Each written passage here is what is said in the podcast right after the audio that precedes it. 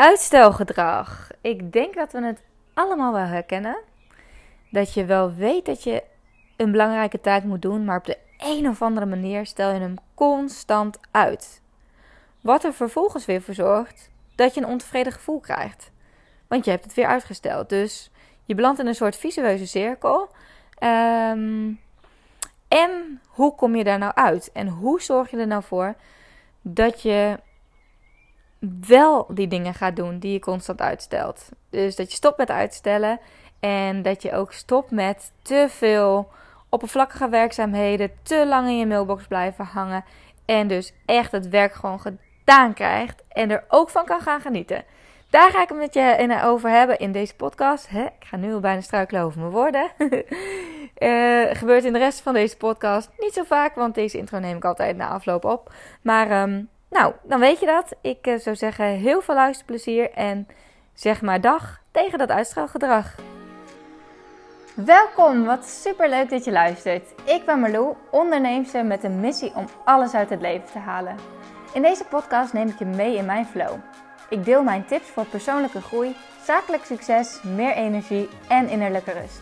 Ben jij klaar om te gaan leven en te ondernemen vanuit je hart, zodat je echt gaat shinen? Enjoy! Oké, nu ik toch in de flow zit, neem ik direct nog een volgende podcast op. Ik heb het uh, vorige podcast gehad over um, in de flow komen en hoe je uh, sneller in de flow kunt komen door bijvoorbeeld afleiding te beperken.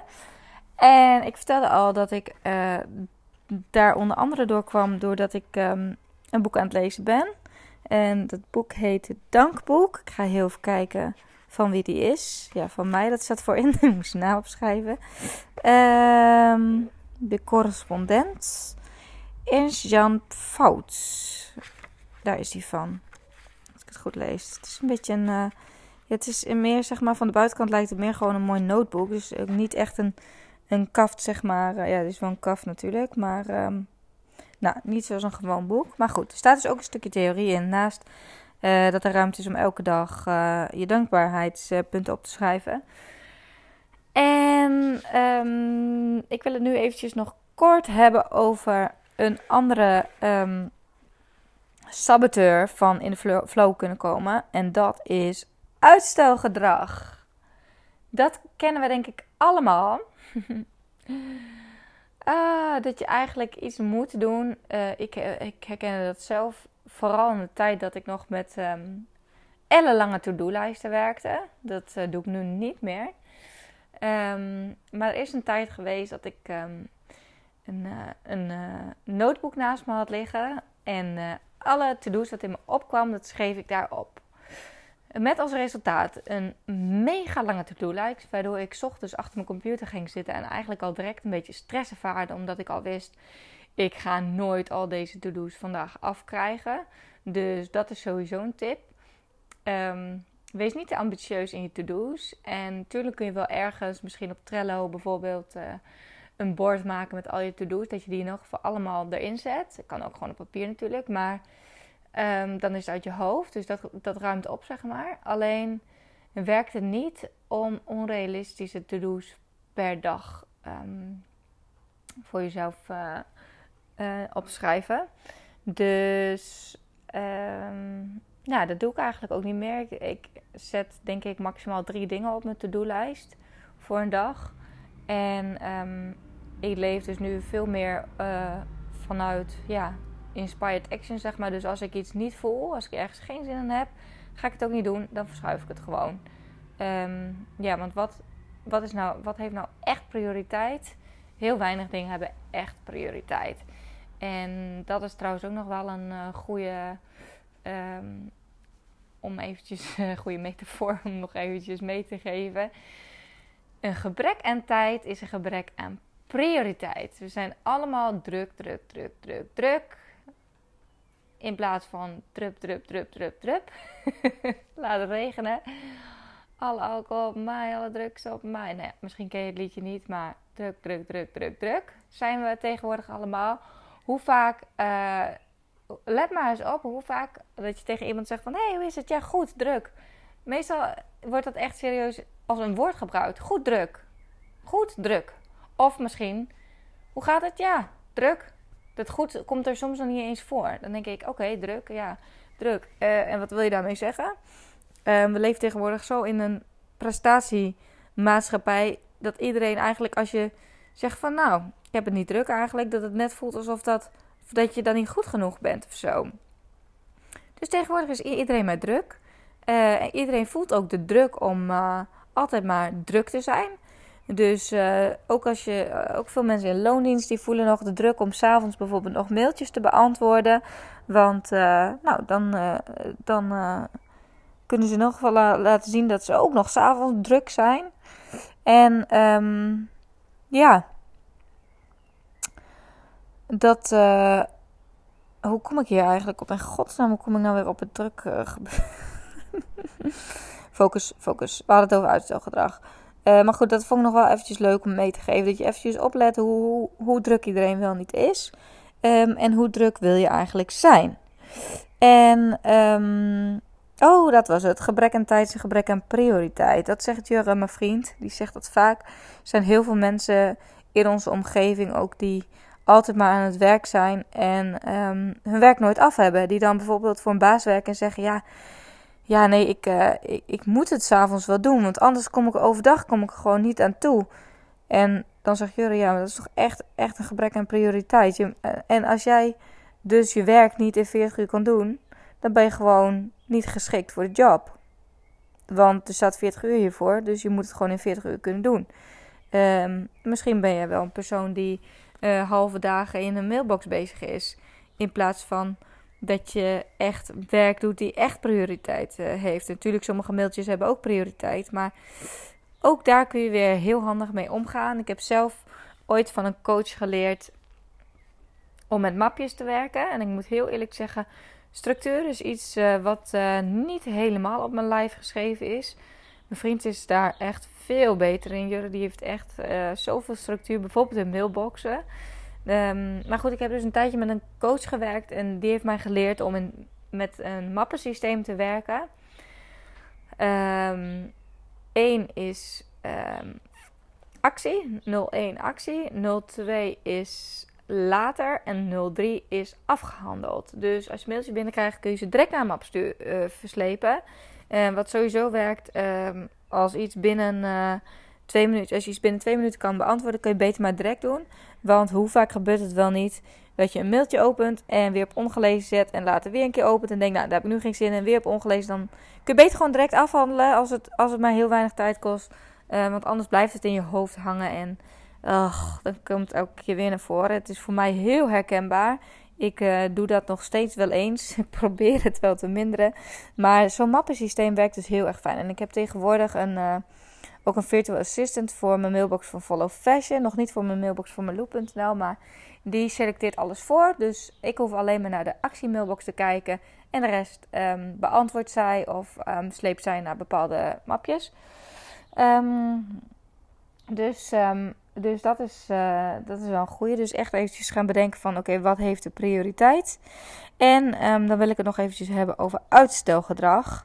Want um, ja, dat, uh, dat is uh, denk ik herkenbaar voor heel veel mensen. En hoe zit dat nou eigenlijk met uitstelgedrag? Want um, e-mailtjes wegwerken, dat is iets wat we eigenlijk een beetje op de automatische piloot kunnen doen. Dat, dat is uh, vrij makkelijk werk, vrij oppervlakkig. Uh, en dat wordt nog niet zo heel erg uh, uitgesteld. Maar vaak bijvoorbeeld schrijven van een complexer plan. Of een, weet ik veel, een online programma uitwerken. Of een ander concept uitwerken. Of um, nou, noem maar wat. je hebt vaak wel van die klussen die echt wel, um, ja, echt, waar je gewoon echt even tijd voor vrij moet maken. En um, waarom stellen we dat nou vaak uit? En waarom ga je dan toch wel eventjes weer um, uh, je bureau eventjes opruimen? Dan denk je van nou, uh, dan heb ik dat maar weer gedaan. Maar eigenlijk is dat gewoon uh, uitstelgedrag en ontwijkend gedrag. Omdat je dan gewoon maar niet aan die grotere taak hoeft te beginnen. En um, eigenlijk is het vreemd. want um, ja, ik heb het ook wel eens. Dan heb je een hele uh, middag bijvoorbeeld uh, Nou, tegenwoordig heb ik het bijna nooit meer. Maar ik had eerder heel vaak dat ik dan een hele ochtend in mijn mailbox aan het rondhangen was.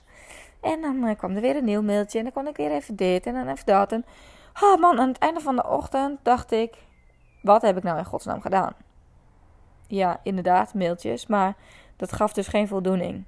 Dus um, dat diepere werk, dus bijvoorbeeld um, hè, in mijn geval bijvoorbeeld een boek schrijven of een uh, plan uitwerken voor mijn live event, of dat, uh, dat geeft veel meer voldoening.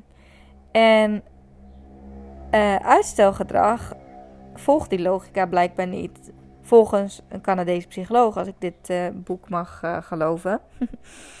Tim Pigiel, die ontdekte dat we uitstelgedrag vertonen om werk te vermijden dat ons een slecht gevoel geeft. Bijvoorbeeld als we, als we niet geloven dat we iets kunnen. Dus dat je er bijvoorbeeld denkt van, nou, ik kan nu wel beginnen aan het schrijven van een marketingplan, maar eigenlijk weet ik toch wel dat het slecht wordt. Dus eigenlijk heb ik gewoon niet genoeg zelfvertrouwen. En om dat onprettige gevoel dus te vermijden, van dat je uiteindelijk ontevreden bent met het resultaat, ga je maar iets anders doen wat een tijdelijke oppepper geeft. Dus um, eventjes je bureau opruimen of uh, nou eventjes uh, even stofzuigen of weet ik veel wat. Um, en uiteindelijk dat uitstelgedrag, dat veroorzaakt weer meer schaamte en schuldgevoel. Dat je denkt van, ik krijg echt nooit wat voor elkaar. Want je ziet hem wel weer steeds op je to-do-lijst staan. Waardoor je dus nog verder verzandt in uitstelgedrag. En dan kom je dus in een soort visueuze cirkel terecht. En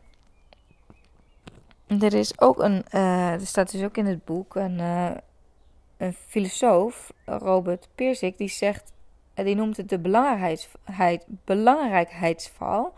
Um, dus hoe belangrijker een taak voor ons is, hoe meer we gaan geloven dat we er dus langere periodes ononderbroken tijd voor moeten maken. Dus bijvoorbeeld voor mijn boek kan ik denken van JMG, je moet ik echt weken tijd voor hebben. Weet je, dat is niet iets wat je even in een avondje maakt. En um, die ideale omstandigheden zijn er niet, uh, waardoor we dus vaak uit gaan stellen. Ik ben heel blij dat ik nu ben begonnen. um, en dat is ook um, mijn volgende punt. Hoe kan je dan uitstelgedrag de baas zijn? Door gewoon te beginnen. En niet gewoon doen. Want ja, gewoon doen, het is niet gewoon doen. Je schrijft niet in één avond een boek of in, in een week. Ik niet tenminste. Het is mijn allereerste boek, dus nee, dat gaat mij niet lukken. Maar door gewoon een beginnetje te maken, door gewoon die eerste alinea's te schrijven, door misschien uh, uh, uh, op te schrijven wat mijn eerste hersenspinsels zijn voor het boek, wat voor onderwerpen ik wil, wil gaan bespreken in mijn boek, heb ik vast een begin gemaakt. En dan kom je uiteindelijk, doordat je dus dat kleine beginnetje hebt gemaakt, kun je uiteindelijk wel in die flow komen. En um, ja, op de een of andere reden geloven heel veel mensen dus dat je een taak alleen kunt, uiten, ook kunt uitvoeren als je hoofd ernaast staat. Maar je hoofd staat er lang niet altijd naast. Deze uh, filosoof zegt ook: je hoofd staat er vrijwel nooit na. Dus zeggen we altijd: Nou, ik ben nu niet in de stemming om te beginnen. En zo kun je jezelf dus jarenlang wijsmaken dat als je dus ergens geen zin in hebt, je er maar beter niet aan kan beginnen. Uh, terwijl eigenlijk betekent een gebrek aan zin dat je bang bent wat er op het spel staat.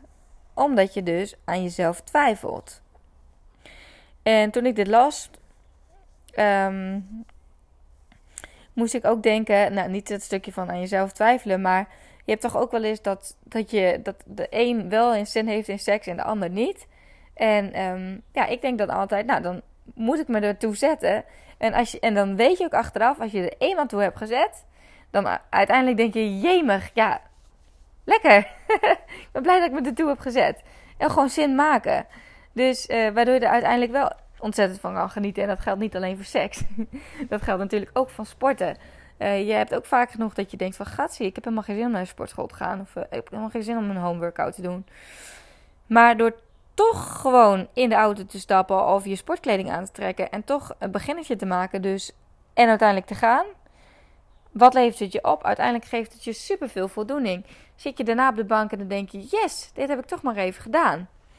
Dus um, ja, misschien moet je gewoon wat vaker zin maken om te gaan beginnen. Want dus echt, eigenlijk is het ook een hele fijne gedachte. Dus door er alleen maar eraan te hoeven te beginnen en dan door te zetten, kun je die flow voldoening ervaren. En dat is zo'n fijn gevoel. Uh, en hoe kun je er nou voor zorgen dat gewoon beginnen makkelijker wordt?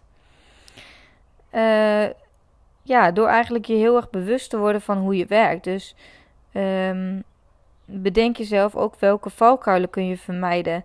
En bedenk wat er voor nodig is om rust te vinden. En um, ja, dus ook, nou, waar ik het de vorige podcast over had, zoveel mogelijk afleiding even weg te doen. en um, ja, probeer dat eens en om vervolgens dus in een routine te gaan komen. En wat, uh, wat ik hier nog lees is, om nog eventjes terug te komen op die ellenlange to-do-lijst waar ik dus niet meer mee werk.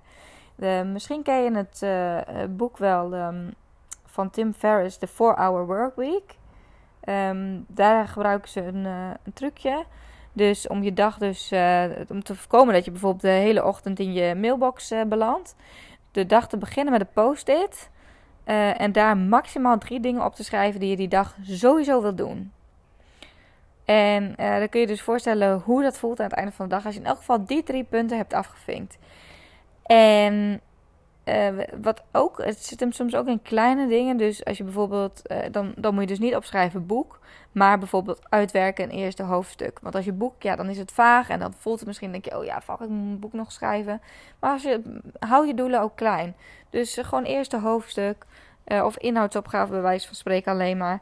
Um, dan wordt het... Um, ja, veel makkelijker om eraan te beginnen. En wat dus heel erg goed werkt, is om gewoon te beginnen met de, de taak eigenlijk die je het meest spannend vindt. Of waar het meest van afhangt. Dus door die te gaan doen, heb je die in elk geval vast gedaan aan het begin van de dag. En heb je nog, ja, nog energie genoeg over uh, voor de rest van de dag. En dat scheelt je gewoon een hele hoop stress. Dus um, ja, Eigenlijk is ook uh, de moraal van het verhaal. Vermijd dat je de hele dag bezig bent met heel veel oppervlakkige klusjes. Zoals uh, mailtjes of um, uh, Insta, Insta stories. Ja, dat is soms wel belangrijk. Maar daar kun je soms ook heel veel tijd mee kwijt zijn. Um, dus bedenk ook dan met wat voor intentie je bijvoorbeeld je stories wil gaan maken. Of dat je bijvoorbeeld opschrijft van... Oké, ik wil vandaag een stories maken over dit onderwerp. Um, dan weet je, kom je in elk geval direct tot de kern. Dan ga je niet allemaal andere uh, stories maken, wat ook natuurlijk kan. Maar hè, voor die focus is dat heel, heel, werkt dat heel erg goed. Um, om vervolgens dus, um, dus niet te verzanden in die, al die oppervlakkige dingen, maar echt gewoon um, echt de werkzaamheden te doen die jou voldoening geven en waarmee jij in een flow kan komen. En waardoor je dus uiteindelijk ook veel meer voldoening uit je werk haalt. Zo, nou, dat wilde ik nog eventjes delen. En uh, ja, ik vind het gewoon super interessant. Ik vind het gewoon zo leuk. Ik dacht ook, ik ga wat vaker eventjes uh, met boeken die ik lees, um, ook daar weer dingen uit delen. Want um, ja, daar, staat, daar haal ik ook gewoon altijd heel veel kennis en inspiratie uit. En um, ja, dat is natuurlijk het doel van mijn uh, podcast ook, om deze kennis en inspiratie weer met jou te delen. Dus... dus ik ben benieuwd of jij, uh, of jij deze tactiek misschien kan toepassen en um, hoe het zit met jouw uitstelgedrag. Is het herkenbaar voor jou en um, heb je wat aan deze tips? Laat het me weten, vind ik hartstikke leuk om te horen. Volg me op Instagram, Marlou Volkerink, als je dat nog niet deed. En um, ik zou zeggen tot de volgende keer.